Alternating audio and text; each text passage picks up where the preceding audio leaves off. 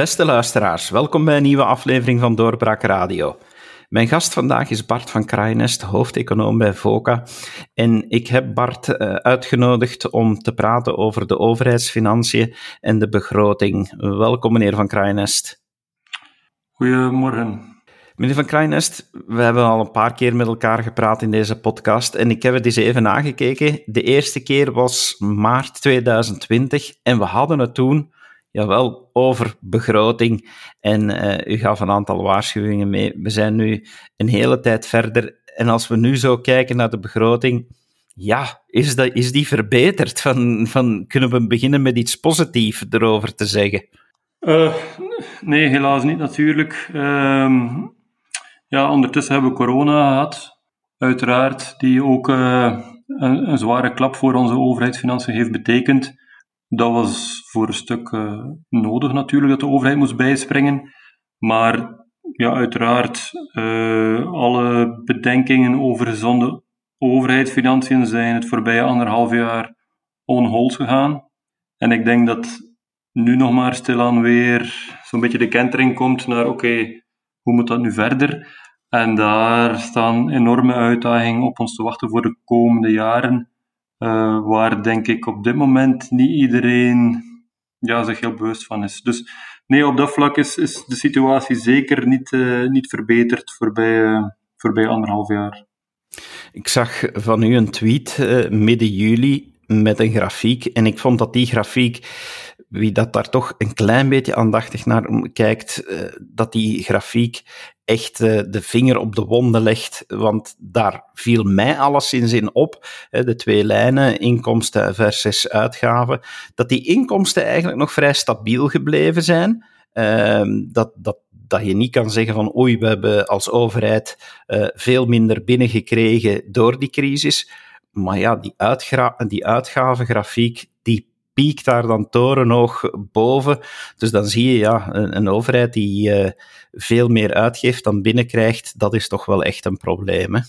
Ja, en dat is al langer een, een, een verhaal natuurlijk in, in de Belgische overheidsfinanciën. De voorbije 50 jaar hebben alle Belgische overheden samen maar in vier jaar geen begrotingstekort gehad. Dus dat is zeker nieuw. Corona is natuurlijk wat speciaal geweest. Corona heeft ervoor gezorgd dat overheden moesten ingrijpen met, met, ja, met veel stimulusmaatregelen om ervoor te zorgen dat de economie toch, economie en de gezinnen, toch overeind bleven.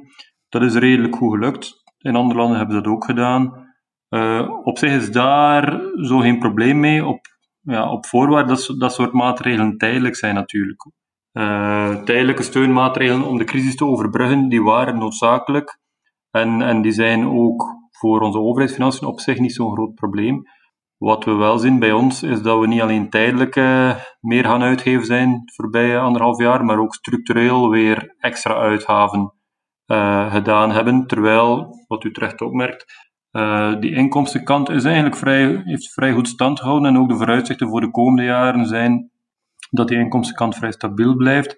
Maar je ziet wel dat onze uitgaven ja, na corona ja, die, die tijdelijke steunmaatregelen, zoals tijdelijke werkloosheid, die gaan er wel weer uit. Maar je ziet toch dat onze overheidsuitgaven structureel uh, zo'n 20 miljard hoger zullen liggen na corona dan voor corona. In euro's van vandaag, dus gecorrigeerd voor groei en inflatie. Dus daar zie je toch dat we, net zoals bij eerdere crisissen, uh, het is niet onlogisch dat een overheid tijdens crisisperiodes meer moet uitgeven. Maar dan is het altijd de bedoeling dat ze na die crisisperiode terug terug de boel op orde krijgen. En bij ons zie je dat na crisissen we vaak structureel een trapje hoger zitten in, in die overheidsuitgaven. Dat zie je ook in, in de tweet waarnaar u verwees, de grafiek daar, dat we eigenlijk na de vorige crisis, uh, 2008, 2009, hebben we ook gezien dat we structureel een duidelijke stap hoger gezet hebben in onze overheidsuitgaven. Nu doen we dat naar alle verwachting weer. De komende jaren uh, blijven onze overheidsuitgaven op een hoger niveau hangen dan, dan voor de crisis. En dat is een beetje het patroon van onze overheidsfinanciën al een aantal decennia. Je ziet die overheidsuitgaven nagenoeg continu hoger kruipen. En die inkomstenkant die moet dan volgen. Uh, maar ondertussen zitten we aan overheidsuitgaven. Na deze crisis zouden stabiliseren aan overheidsuitgaven van 55% van ons bbp. Ja, Concreet betekent dat dat meer dan de helft van alles wat wij hier in ons land op een jaar realiseren aan economische activiteit passeert via de overheid. En dat, dat begint natuurlijk wel, uh, wel veel te worden. En dat, dat vloekt ook natuurlijk met uh, ja, de retoriek die soms in sommige hoeken wat gevoerd wordt over onze langdurige besparingen en keihard besparingen, bespaard tot op het bot, weet ik veel al meer. Uh, daar is eigenlijk niks van aan. Onze overheidsuitgaven zijn continu aan het stijgen. En het probleem is, voor de komende jaren zitten er nog heel wat uitdagingen die op ons afkomen. De vergrijzing, uh, ja, de nood aan extra overheidsinvesteringen, eventueel zoals nu met de, watersnood, uh, nood aan meer geld voor defensie, uh, de hele klimaatuitdagingen. Dat zal allemaal geld kosten en ja, we vertrekken aan dat verhaal met een overheidsbeslag van al 55% van het BBP. Dus in die zin van kun je, ja, kun je wel gaan afvragen van waar waar kan dit naartoe en, en is er daar, ja, wanneer wordt die overheid te zwaar natuurlijk, hè, want dat moet allemaal gefinancierd worden uiteindelijk. Ehm, en vooral krijgen we er wel genoeg voor terug. Uh, dat is wat mij betreft een cruciale vraag, als je die overheidsuitgaven kijkt. Ja, dat is inderdaad wat, uh, wat mij ook opvalt. Krijgen we er genoeg voor terug? Want we stellen de laatste tijd vast, je noemde al de watersnood als voorbeeld, dat de overheid ja, toch wel heel vaak tekort schiet. En dan hoor je inderdaad heel vaak, ja, besparingen, besparingen, besparingen, we zijn kapot bespaard. En iedereen zegt, het moet opgelost worden met meer geld. Maar we kunnen toch niet blijven meer geld er tegenaan gooien. 55% overheidsbeslag. Uh, tenzij ik me vergis, in Nederland ligt dat op 47%. En Nederland is toch geen land uh, wat je zou kunnen een derde wereldland in West-Europa noemen. Dus het kan met minder. Het gaat hem dan voornamelijk om efficiëntie, neem ik aan. Ja, als je het vergelijkt met andere landen, zitten wij inderdaad bij de toplanden qua overheidsuitgaven. Uh, en als je dan de vergelijking maakt over welke kwaliteit krijg je ervoor terug, kun je, zitten we zeker niet bij de toplanden. Dan heb je verschillende analyses eh, van de OESO, van de Commissie, van de Nationale Bank, van onszelf ook, die dat allemaal een beetje in dezelfde richting wijzen. En je ziet inderdaad, terechte opmerking, de voorbije jaren bij elke crisis is het rond justitie, is het rond onderwijs, is het rond politie, is het nu met die, met die watersnood en de hulpver, hulpverlening? Elke keer klinkt weer de roep naar meer geld. Terwijl we natuurlijk zitten met die overheidsuitgaven die al bij de hoogste ter wereld zijn, al 55% van het BBP. De vraag die volgens mij relevanter is, van, is van ja, wat doen we met al dat geld dat we nu al erin stoppen? Krijgen we daarvoor voldoende kwaliteit terug? Waarschijnlijk niet. En zouden we niet beter eerst een keer die oefening doen van per, eigenlijk min of meer per overheidsuitgave, van krijgen we daar wel voldoende voor terug? Is die efficiënt genoeg? Is die effectief? Uh, ja, wordt die eigenlijk wel optimaal ingezet. En dan denk ik, de internationale vergelijkingen die, die je kunt maken, die suggereren dat, dat bij ons in België daar zeker nog heel wat ruimte is voor meer efficiëntie. En we zouden eigenlijk daar moeten gaan kijken, want ja, het geld dat we nu niet efficiënt inzetten, is natuurlijk wel, ligt eerder aan, aan de basis van het feit dat we dan op andere vlakken tekort zitten. Hè? Dat die, zo, die besparingen op de hulpverlening ook het hele verhaal rond die, rond die reservevoorraden aan mondmaskers uh, van tijdens corona, die, dan, die er dan niet meer waren. Um, je ziet dat we op een aantal kerntaken tekort zitten, terwijl dat we toch een heel groot overheidsbeslag hebben. Dus die, die oefening zou dringend moeten gaan gebeuren van krijgen we wel genoeg terug voor wat we vandaag erin ja, aan, aan middelen inzetten en waar kan het beter qua efficiëntie. En dan, dan zul je zien, denk ik, dat je over heel overheidsapparaat mogelijkheden zijn om beter te doen. We moeten daar het warm water niet weer uitvinden. Nee, we kunnen er inderdaad kijken naar andere landen, hoe zij het aanpakken. Um, en die, ja, die, die, die, die goede lessen daar uh, proberen over te nemen. Iedereen zegt nu altijd, oké, we hebben de crisis, uh, de coronacrisis, uh, dat, dat heeft gevolgen. Maar wederom, als ik naar die grafiek kijk, zoals ik zei, die inkomsten dat is nog een lijn die, oh, er zit wat terugval in, maar, maar dat is een lijn die vrij constant blijft. Hoe zit het nu eigenlijk met onze economie in het algemeen? Is, is dat nog een opmerking die geldig is? Ja, maar ja, de crisis. Of uh, zitten we daar terug eigenlijk op een niveau dat we zeggen, oh, die crisis is eigenlijk economisch gezien al verteerd? Ja, onze economie, en niet alleen de onze, ook in de rest van, ja, in heel veel landen, is toch duidelijk sneller hersteld dan, dan we pakweg een jaar of anderhalf jaar geleden gevreesd hadden. Er zijn nog wel, er zijn zeker nog wel gevolgen in bepaalde sectoren, maar er zijn ook de meeste en de belangrijkste sectoren van onze economie, die draaien alweer op, op volle toeren. Dus onze economie is echt wel vrij snel hersteld. Normaal gezien, uh, we zitten nu nog net onder het niveau van voor de crisis, maar we gaan daar dit jaar, naar eind dit jaar, komen daar weer boven. Dan hebben we nog altijd natuurlijk wel twee jaar aan economische groei uh, verloren, maar we komen terug dit jaar al, denk ik, tegen eind dit jaar op niveau van voor de crisis. En als lijkt erop te wijzen dat we ook volgend jaar daar nog wel redelijk goed doorgaan. Dus um, het is misschien vandaag nog wat vroeg. Het is niet dat je vandaag uh, die overheidsfinanciën op 1, 2, 3 kunt op orde gaan krijgen en dat je nu al flink in de remmen moet. Uh, maar nu, ja, in september, oktober, uh, moeten we toch wel een keer ernstig gaan kijken naar die begroting van hoe gaan we dat de komende jaren weer op de rails krijgen. Dan zijn er een aantal partijen die nu zeggen van dat is geen prioriteit, we zien dat later wel. Uh, maar het moment begint toch stil aan te komen om daar wat stappen te zetten, want uh, 2024 komt er dan ook weer snel aan, volgende verkiezingen, dan weet je al het jaar ervoor gebeurt er waarschijnlijk ook niks.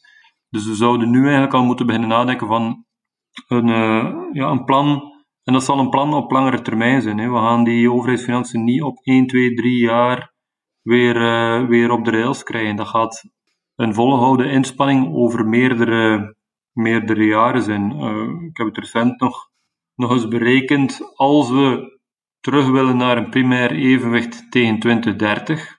Een primair evenwicht betekent een evenwicht op de begroting los van de rentelasten. Dat is eigenlijk de indicator die het belangrijkste is voor de gezondheid van onze overheidsfinanciën.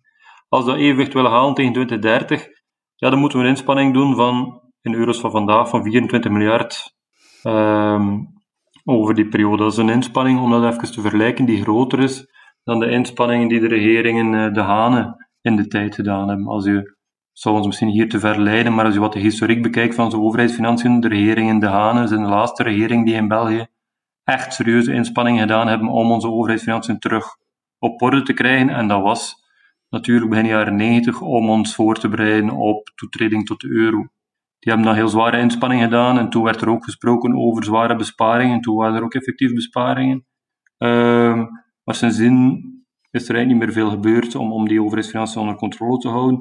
De inspanning die nu voor de komende tien jaar, laten we zeggen, voor ons ligt, kleine tien jaar, is, is van die grote orde zelfs nog iets groter. En we gaan dat over meerdere jaren moeten spreiden. Je kunt dat niet in 1, 2, 3 doen zonder schade aan je economie. Maar we moeten daar nu wel al beginnen werken aan, aan, aan dat plan. En in september staan er een aantal belangrijke thema's op de agenda. Normaal gezien komt uh, de federale regering in september met haar voorstel voor een grondige pensioenhervorming. En pensioenen en de hele vergrijzing zijn natuurlijk een belangrijke factor die onze overheidsfinanciën onder druk zet.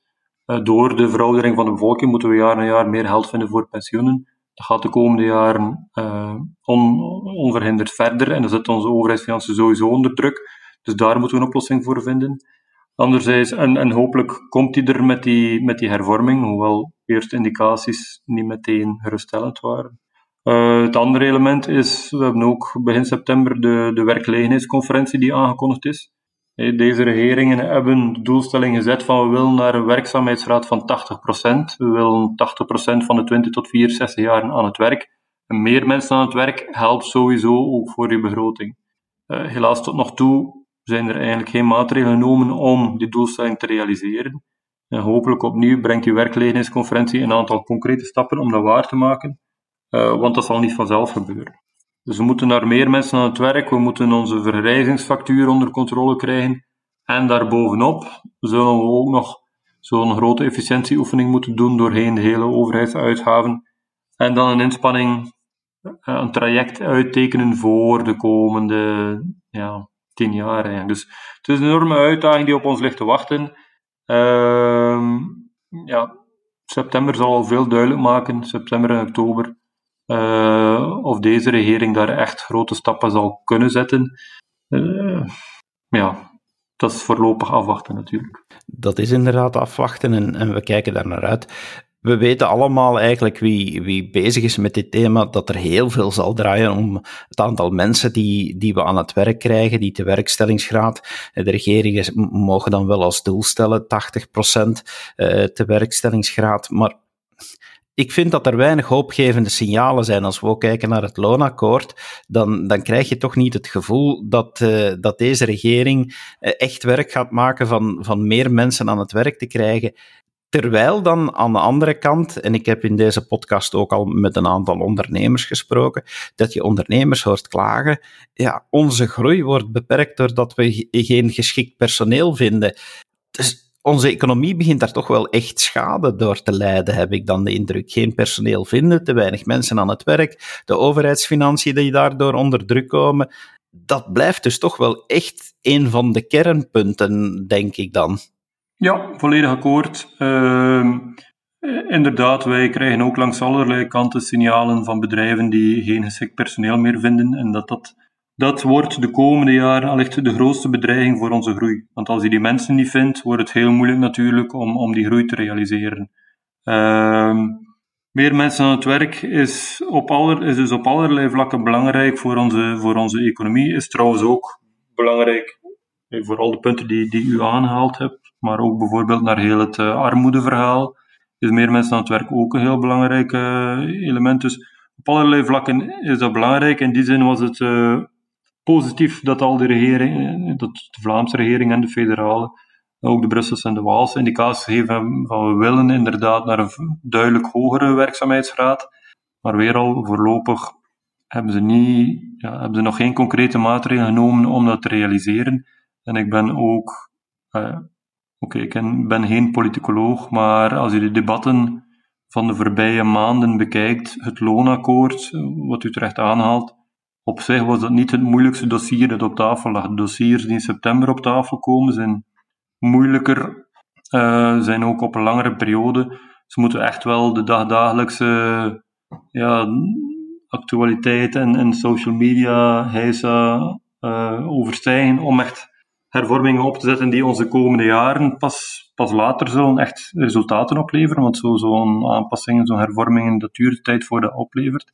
En de eerste discussies, of ja, de voorbije discussies binnen de, binnen de regering, ja, laten daar niet beste vermoeden als het gaat om, om hier moeilijke knopen door te haken de komende maanden. Zoals gezegd, afwachten, maar wat ik daar straks ook al zei, de eerste indicaties zijn daar niet meteen hoopgevend. En de kans dat deze regering echt de grote stappen voorwaarts zet, ik hoop het, maar ik ben er niet, eerlijk gezegd niet volledig gerust op. Wanneer we de vorige keren met elkaar spraken, hebben we ook, uh, het gaat over de relatiemaatregelen. En u legde toen uit dat het belangrijk is dat die zullen ingezet worden als investeringen. Onder andere infrastructuur noemde u toen. Investeringen, ja, die, zoals het woord ook bedoelt, investeringen eh, die bedoeld zijn om, om later eh, inkomsten op te leveren, eh, om, om meer mogelijkheden te voorzien. Als we nu al kijken naar wat er allemaal aangekondigd is, hebt u dan het gevoel dat men het, uh, dat men het relatiegeld op de juiste manier gaat inzetten? Ja, ik denk op zich wel. Uh, voorlopig is daarbij vooral gefocust op uh, dat pakket Europese middelen die we daar krijgen. We hebben daar een plan moeten indienen als België zijnde. Uh, staatssecretaris de, Dermin heeft dat geregeld. op zich gaat dat wel redelijk de goede, de goede richting uit. Niet alle projecten die ingediend zijn daar zijn even, ja, zijn misschien even, even valabel, maar de grote lijnen zitten zeker goed. Het probleem daarmee is dat het dan dat het daarmee niet stopt, dat blijft eigenlijk te beperkt. Die investering, die overheidsinvestering, we hebben het er inderdaad al eerder over gehad, is nog zo'n frustrerend element van onze overheidsapparaat. Ja, wat we er straks al zijn, wij hebben in Europa en eigenlijk in de wereld bij het grootste, de hoogste overheidsuitgaven, maar qua overheidsinvesteringen hangen we achteraan. Dus onze overheid heeft heel veel uit, maar relatief heel weinig aan investeringen. Het zijn net die investeringen die zichzelf kunnen, ja, die onze economie kunnen versterken op langere termijn en die voor extra economische activiteit kunnen zorgen en op die manier ook de begroting weer kunnen versterken. En daar zie je dat wij vrij slecht scoren. Nu is er wel een, uh, een uh, ja, erkenning van we moeten meer gaan investeren. We hebben die Europese middelen, we hebben dat programma nu opgezet, dat wordt de komende jaren uitgerold. Maar dat brengt ons eigenlijk niet echt heel veel, heel veel, uh, heel veel vooruit. Uh, op, op vlak van die investeringen. Onze achterstand ten opzichte van de rest van Europa maakt daarmee niet goed. Uh, daarvoor moet er echt nog een structurele inspanning. Dus niet alleen moeten we gaan kijken naar die overheidsfinanciën, hoe krijgen we die uitgaven onder controle. We moeten ook mm, daarbinnen gaan kijken naar de structurele verschuiving. Hoe kunnen we een stukje van die lopende overheidsuitgaven, die voorbij decennia eigenlijk continu in de lift eh, ja, hoger gingen, hoe kunnen we daarvan een stukje verschuiven naar meer productieve investeringsuitgaven, die dan onze economie echt gaan versterken. En daar hebben we nu de eerste stappen gezet met dat Europese uh, relatieplan, maar er moet nog meer komen. En daar is het ook een beetje van mijn kant uit toch de vrees van, oké, dat Europese plan we hebben die middelen, die 6 miljard, uh, we hebben dat binnen, we hebben daar de projecten voor, we gaan dat nu uitrollen. En dat, dat is dan voldoende. Nee, dat was een eerste stap uh, die, die, wat mij betreft, uh, redelijk de juiste richting in uithing. Maar het is ook niet meer dan de eerste stap. We moeten daar ook zelf, los van Europa, binnen onze eigen middelen, een structureel plan uitwerken van hoe gaan we structureer dus, dus jaar na jaar, niet tijdelijk, want het Europese plan is tijdelijk tot 2026. Maar hoe gaan wij op langere termijn structureel jaar na jaar extra investeren om onze economie te, te versterken? Want we komen eigenlijk uit 30 jaar, de voorbije 30 jaar, waar dat we structureel te weinig geïnvesteerd hebben. Waar we, dat we net voldoende investeerden om de normale slijtage in onze infrastructuur op te vangen. Maar dat is niet voldoende. Onze economie is ondertussen gegroeid. En zeker met de nieuwe uitdagingen die op ons afkomen rond digitalisering, rond uh, klimaatuitdaging, ja, dan dringen verdere investeringen zich zeker op. Investeringen die onze economie kunnen versterken als die goed uitgevoerd worden, um, maar die echt wel noodzakelijk zijn om die stap te zetten en daar nu ook eigenlijk onmiddellijk op verder te gaan. Dat Europese plan, goed, dat is afgevinkt, bij wijze van spreken. Daarmee gaan we de komende jaren bezig zijn, maar daarbovenop moeten we ook zelf nog extra inspanningen doen. En ik vrees een beetje dat daar nu weer, uh, het kan, kan twee richtingen uit. Ofwel uh, is de vaststelling van we hebben het Europese plan en, en dat is voldoende.